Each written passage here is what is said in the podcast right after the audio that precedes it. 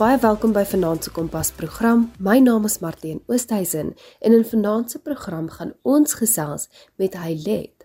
Sy is 'n verpleegster en sy gaan vir ons meer vertel oor haar beroep as 'n verpleegster en ook oor haar eie kliniek. Sy het haar eie kliniek oopgemaak in Augustus 2018 in Plettenberg Bay. Sy gaan ons meer vertel wat sy daar alles doen en hoe sy haar eie kliniek oopgemaak het, haar struikelblokke en haar gunsteling deel van 'n kliniek besit. Sy gaan ook bietjie vertel oor haar kliëntebasis, hoe sy dit opbou en sy gaan vir ons vertel van haar beroep. So baie dankie Heilet, baie dankie dat jy deelgeneem het aan vanaand se program en dat jy my gehelp het om al hierdie vrae te beantwoord. Goeiedag, ek is Heilet van Ent. Ek is 'n suster en 'n vroedvrou en op die oomblik het ek 'n kliniek in Plettenberg Baai en gedeeltelik ook in Nysna. Sekere dae is ek in Nysna, sekere dae in Plettenberg Baai. My fokus is babas en swangerskappe en voorbehoeding. Ek het 'n agtergrond van ek het 'n beker graad gedoen. So dis 'n graad in verpleegkunde wat ek by Potchefstroom Universiteit gedoen het en daarna my my jaar gedoen het in een van die baie klein dorpies in die Kalahari met die naam Bosmasberg. Was die beste en die slegste jaar van my lewe. baie interessante goed gedoen, baie interessante goed geleer en ek was baie blootgestel aan verskillende situasies in die hospitaal wat vir my baie selfvertroue gegee het vir wat ek nou doen en vir die feit dat ek my eie praktyk oopmaak. In verband met my my kliniek, ek het my kliniek in Augustus 2018 oopgemaak. Die kliniek se naam is Pansy Shell Nursing. So ek het oorspronklik begin met voorgeboorteklasse en van daar af het ek aansoek gedoen vir 'n uh, permit of 'n kontrak wat jy by die departement gesondheid van die Wes-Kaap voor aansoek doen. En dit gee vir my die vermoë om gratis voorraad te kry van die kliniek en dan sien ek die pasiënte hier en hulle hoef nie vir die voorraad te betaal nie tensy dit nou 'n privaat voorraad is wat op skedule is en hulle voorskrifte nodig het. Maar dit maak ook dit vir die pasiënte makliker dan hoef hulle nie in die die hele dag in die kliniek te gaan sit nie. En ja, solank hulle nou net 'n konsultasie betaal, maar soos ek sê, die die voorraad is gratis en dit is baie geriefliker vir die pasiënte. Die rede hoekom ek besluit het om die kliniek oop te maak is wel dit was nog altyd my droom. My droom was huisie by die see en ek wil babas vang en ek wil 'n baba kliniek hê. Ek was baba mal van wat ek kan onthou. Ek het nie 'n pophuis gehad as kind nie, maar 'n uh, hospitaal. ek was net nog altyd lief vir babas van kleins af. Ek het ook van altyd af gedroom van my eie kliniek en my eie besigheid. Dis ook hoekom ek 'n uh, kwalifikasie in verpleegbestuur gedoen het om my eie besigheid te kan hardloop. En um, ja, ek het selfs terwyl ek gestudeer het al begin versamel soos lakens en goed vir 'n konsultasiebed want ek het net geweet dit is iets wat ek eendag sal wil doen. Wat het jy gaan studeer en hoekom het jy juis besluit om dit te gaan studeer? Die rede hoekom ek verpleegkunde wou gaan studeer het is eerstens omdat ek so lief is vir kinders en mense. Ek het so vir so 'n paar dae in skoolvakansies in graad 11 en 12 na hospitaal gegaan en bietjie gaan observeer hoe dit werk en wat die proses is en presies wat die funksie is van 'n suster en 'n verpleegster en 'n dokter.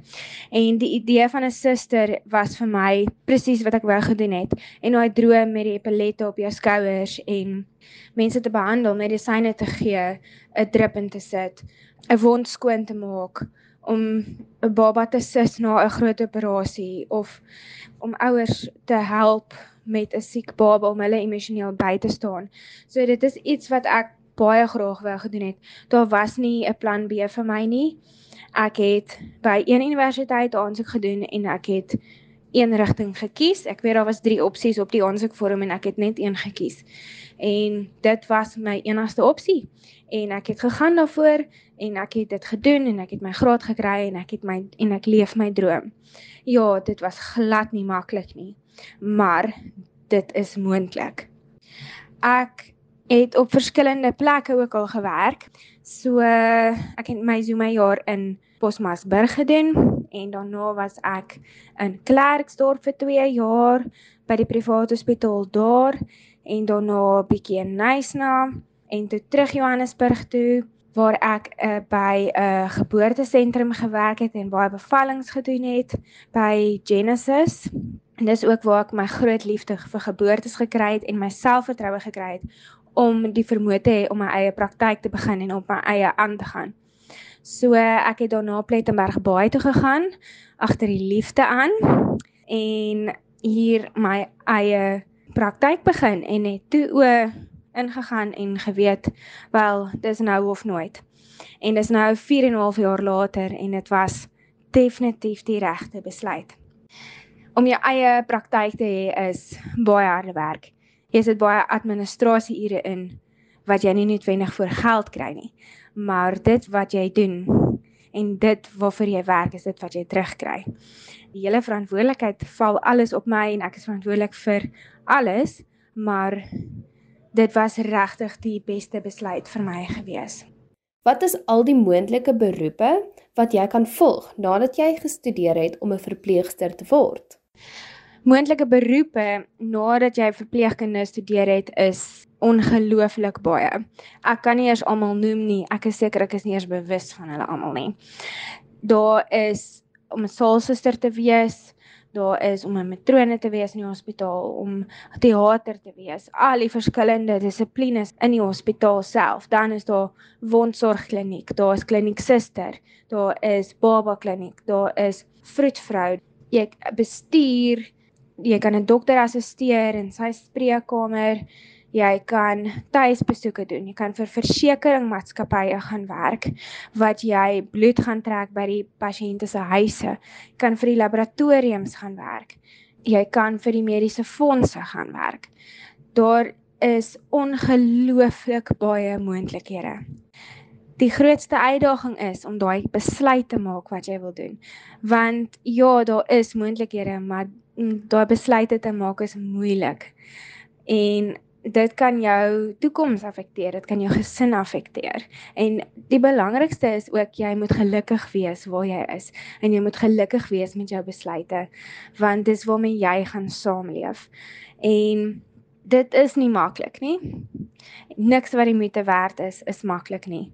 Maar as dit jou passie is, dan sou ek voluit gaan daarvoor. Wat was die struikelblokke wat jy gehad het toe jy jou kliniek oopgemaak het?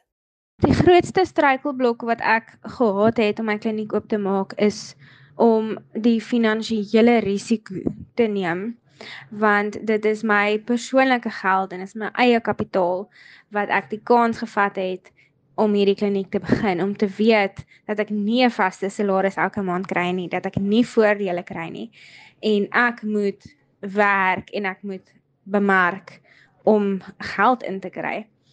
So ek het ook skofte gewerk in die naby liggende hospitale oor naweke en op dae wat ek nie gewerk het nie. En dit is wat die graad moontlik maak. Ek kan altyd terugval op my kwalifikasie as iets nie uitwerk nie. So ek het skofte in die hospitaal gaan werk wat ek baie geniet het en ek het ander pasiënte leer ken en ortopediese gevalle gesien en goed wat ek nie meer so baie te doen gehad het nie. En dit was nog steeds vir my baie lekker geweest. En hoe meer pasiënte ek begin kry het en hoe besigger ek begin raak het, hoe minder skofte het ek begin doen. Voel jy die werk wat jy doen het 'n positiewe invloed op mense se lewens? Ek dink die werk wat ek doen het definitief 'n invloed op lewens. As ek nie hier was nie, was hy heel moontlik 'n ander suster, maar ek dink wat my kliniek so uniek maak is die pasiënte is nie net 'n nommer nie. Ek praat met hulle as daar 'n probleem is. Dit is nie net 'n 8 tot 4 diens nie. Want babas is nie 8 tot 4 diens nie en hulle besluit nie hoe laat in die aand hulle koors kry of begin siek word nie. En die mammas, veral eerste mammas, het nie eintlik 'n idee wat om te doen of waar om te gaan nie. So ek kry nog ons baie oproepe of nood WhatsApps en ek ek dink dit is wat my kliniek anders maak. En die pasiënt het ook die vermoë om enigiets met my te kom bespreek. En ek het nou al pasiënte gehad met hulle eerste baba se geboorte en ek het die tweede baba se geboorte gedoen en deurgevat met immunisasies met die tweede baba. So ek ken hulle en ek ken die gesin ongelooflik goed. So die oomblik as die ma instap by my en ek sien dis is fout, dan sal ek vir haar vra wat is fout want ek weet ken haar. So ja, ek dink dit is wat dit anders maak en ek hoop om dit nog vir baie lank te kan doen om om 'n invloed te hê op gesinne se lewens, net om dit vir hulle makliker te maak. Want om 'n baba te hê en om met 'n gesin te begin is nie maklik nie. Om 'n swangerskap te probeer handhaaf is nie maklik nie. En mens het daai ondersteuning nodig van buite af. Jy luister na Kompas op RSG. My naam is Marlene Oosthuizen en as jy dit gemis het, is ons tans besig om te gesels met Hylet. Sy vertel vir ons meer van haar beroep as verpleegster en ook sy het haar eie kliniek oopgemaak in Plettenberg Bay. So sy gaan vir ons meer vertel daaroor. Weereens baie dankie aan Hylet wat deelgeneem het aan die program vanaand. So kom ons spring verder in. Was dit moeilik om jou kliniek te adverteer? Hoe het jy kliëntebasis opgebou? Ek moet sê dit was glad nie vir my moeilik om 'n kliëntebasis op te bou nie want ek werk ook deeltyds vir die ginekoloog in hierdie area en ek het die mamas daar ontmoet en ek ontmoet hulle nog steeds daar en ek bou 'n verhouding met hulle in hulle swangerskap en dan kom hulle na die tyd na my toe en outomaties weet ek dan ook of dit 'n lae risiko swangerskap is en waarna om uit te kyk vir die baba. So dit het dit wel makliker gemaak. En dan om uit te vind of dit anders is in die mediese wêreld om 'n besigheid te stig as in 'n ander industrie, dit sal ek nie kan sê nie. Maar wat dit wel uitdagend maak in die mediese industrie is al die regulasies waarby mens moet hou vir veiligheid want dit kan lewe of dood wees as jou immunisasies nie koud genoeg is nie of die voorraad het verval of die baba kom te laat vir die inspuitings. Dit kan 'n groot impak hê. En ons speel met lewens. So die regulasies is ongelooflik streng, maar met my agtergrond en omdat ek soveel ervaring het op verskillende vlakke en verskillende plekke, maak dit my moontlik om daai regulasies te verstaan en ek het dit vooraf geleer. So dit bly uitdagend en ek dink dit is ook uitdagend in die mediese veld omdat mense nie op soveel platforms kan adverteer as ander besighede nie. Maar ook omdat ek in 'n kleiner dorp is, maak dit makliker om die nuus te versprei. Wat is jou gunsteling deel van jou werk tans? My gunsteling deel van die werk is om hierdie nuwe mamas te sien of om hulle te ontmoet in hulle swangerskap by die ginekologiese praktyk en hulle is bang en opgewonde op dieselfde tyd vir die swangerskap en om te sien hoe hulle as karakter ontwikkel in 'n sterk vrou en ma wat 'n huishouding en werk en almal om haar moet hanteer. Dit is net ongelooflik opvallend om te sien hoe hoe sterk ons vrouens eintlik is en hoe ons kan verander en aanpas met dinge wat in ons lewe gebeur. Hoe balanseer jy jou familielewe en jou werklewe? Om jou werkslewe en besigheidslewe en privaatlewe te balanseer is glad nie maklik nie. En daar is tye wat ek meer aandag gee aan my werk as as gesin. Maar dan is daar ander tye wat ek net my foon in die kar sit of net my foon afsit en sê nou hierdie is my gesinstyd. Dit is baie belangrik om naweke af te vat wanneer jy kan en weg te gaan en kwaliteit tyd saam te spandeer want op die ouene begin mens so verdwyn in jou eie werk en dit raak outomaties en mens vergeet van die mense en die vriende en die familie om jou. Selfs net om 'n verjaardagboodskapie te stuur van iemand ver raak 'n uitdaging omdat jy so besig is. Maar ek probeer dit nog leer. Ek het dit nog nie heeltemal reg gekry nie. En ek dink nie mense kry dit ooit heeltemal reg nie, maar dit is altyd belangrik om daarop te fokus en bewus te wees daarvan. Want ons altyd plek vir groei. Hoekom het jy besluit om op te hou werk as 'n verpleegster? Ek moet sê ek sou nie noodwendig sê ek het ophou werk as 'n verpleegster of 'n verpleegsuster nie. Ek werk nou net in 'n ander hoedanigheid. En soos wat ek meer senior word in my werk en meer ervaring het, so het ek meer moontlikhede met wat ek kan doen met my kliniek en ek kry meer selfvertroue. So ek werk nog steeds met mense en ek is baie lief vir mense. Dit is net in 'n totale ander kapasiteit. As jy raad het vir enigiemand wat hulle eie besigheid of kliniek wil oopmaak, wat sou dit wees? Jy moet bereid wees om ekstra ure in te sit en jy moet bereid wees om ekstra myl te gaan en bereid wees om op 0 te begin. En ja, daar is 'n moontlikheid dat dit nie gaan werk nie en dit is ook oukei. Okay want nie almal van ons het suksesvolle besighede nie, maar jy het persoonlik gegroei daarin. En dit is baie lekker as dit werk, maar jy moet presies weet wat jy doen. En wat vir my baie goed werk is om voorberei te wees.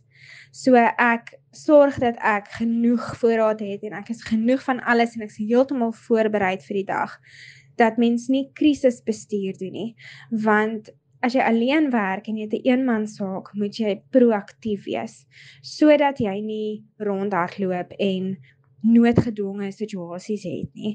So byvoorbeeld, jy het nie genoeg inspuitings vir die dag nie of so. Sorg dat jy meer as genoeg het. Al daai klein goedjies val net op jou, maar dit is moontlik. En soos ek sê, dit is baie harde werk, maar jy moet bereid wees om daai ekstra myl te gaan en nie noodwendig iets terug te verwag nie. As jy enige raad het vir jong mense, wat sou dit wees? Raad wat ek vir jong mense het is om baie hard te werk wanneer jy die kans het. Jy's jonk, jy het energie. Jy het die vermoë om tot 12 uur by jou lesenaar te sit en studeer. En jou 20s speel so 'n groot rol in die res van jou lewe. En dit wat jy doen in jou 20s en die keuses wat jy maak in jou 20s reflekteer hoe jou lewe gaan uitdraai wanneer jy in jou 40s en 50s is en jy wil nie terugkyk en sê as ek maar net harder geleer het nie. Ek weet van geen persoon wat gesê het ag ek moes net harder gekuier het. Nee, die mense sal eerder sê ek moes net harder geleer het. Jy kan altyd later kuier. Ek moet sê dit is baie lekkerder om nou te kuier want ek is meer finansiëel stabiel en ek is meer verantwoordelik en wanneer ek kuier dan weet ek ek is onafhanklik en ek is standvastig en ek het 'n goeie kring vriende, maar dit is baie belangrik om van die begin af hard te werk, selfs op skool. Veral graad 11 en 12, daardie punte, jou matriekpunte is wat jou toekoms gaan begin. En jy wil met 'n goeie blink toekoms begin. En dit is vir enige iemand moontlik. Het jy enige planne om jou kliniek te vergroot om ander fasiliteite in te bring? Ja, ek het wel planne om my kliniek te vergroot. So ek kyk na 'n groter spreekkamer by 'n uh, eh, een van die huisdokterpraktyke in die dorp. En dit gaan ook vir my vermoë gee om meer dienste aan te bied want dit is ook naby aan die taxi rank so dit is makliker vir baie pasiënte vir vervoer. So ek is baie opgewonde en ons begin in maart Wat is belangrike lewenslesse wat jy geleer het terwyl jy gewerk het as 'n verpleegster? Sjoe, ek leer nou nog. Elke dag leer ek daar is so baie lesse wat ek al geleer het, maar ek dink die belangrikste is nie noodwendig 'n les nie, maar die belangrikste is om eerlik te wees. Al maak jy 'n fout, wees net eerlik daaroor. En eerlikheid kan mens baie ver bring. Maar soos ek sê, ek leer nog elke dag. Ek het nie al die antwoorde nie. Ek hoop om eendag al die antwoorde te hê en elke dag is 'n groeiproses vir my persoonlik, vir my by die werk en in die mediese veld se tegnologie wat so verander, is daar soveel nuwe dinge om ook te leer en ek sien baie uit na die toekoms en ek weet self nie wat die toekoms inhou nie, maar dit kan net beter raak. Net so gedagte vir al die jonges ook daar buite waarna ek nou net gedink het die oomblik toe ek op skool gesê het ek sal baie belang om 'n verpleegster te wees en ek wil verpleegkunde studeer, het ek baie teenkanting gekry ook baie ondersteuning van ouers en familie, maar ook van mense wat die idee, die stigma agter hulle het net 'n verpleegster. Maar hoekom hoekom wil jy 'n verpleegster word? Hoekom wil jy nie 'n dokter word nie? Ja, dit het my 'n bietjie afgesit, maar ek het ten spyte van dit nog steeds my droom uitgeleef. En dit is my so belangrik om vir die jonges te sê, moenie omgee wat ander mense sê nie. As dit is wat jy wil doen, dan gaan vir dit. Ten spyte van wat ander mense sê, ten spyte van 'n stigma. En ek dink ons het ook al verby beweeg van daardie stigma. COVID het ons gewys wat verpleegkunde en verpleegsters regtig beteken en hoe belangrik hulle is in die hele samelewing. Dit was vanaand se Kompas program. Baie dankie dat jy geluister het en ook baie dankie aan Hylet wat deelgeneem het aan die program. Ek hoop jy het vreeslik baie geleer. My naam is Martien Oosthuizen en dit was Kompas.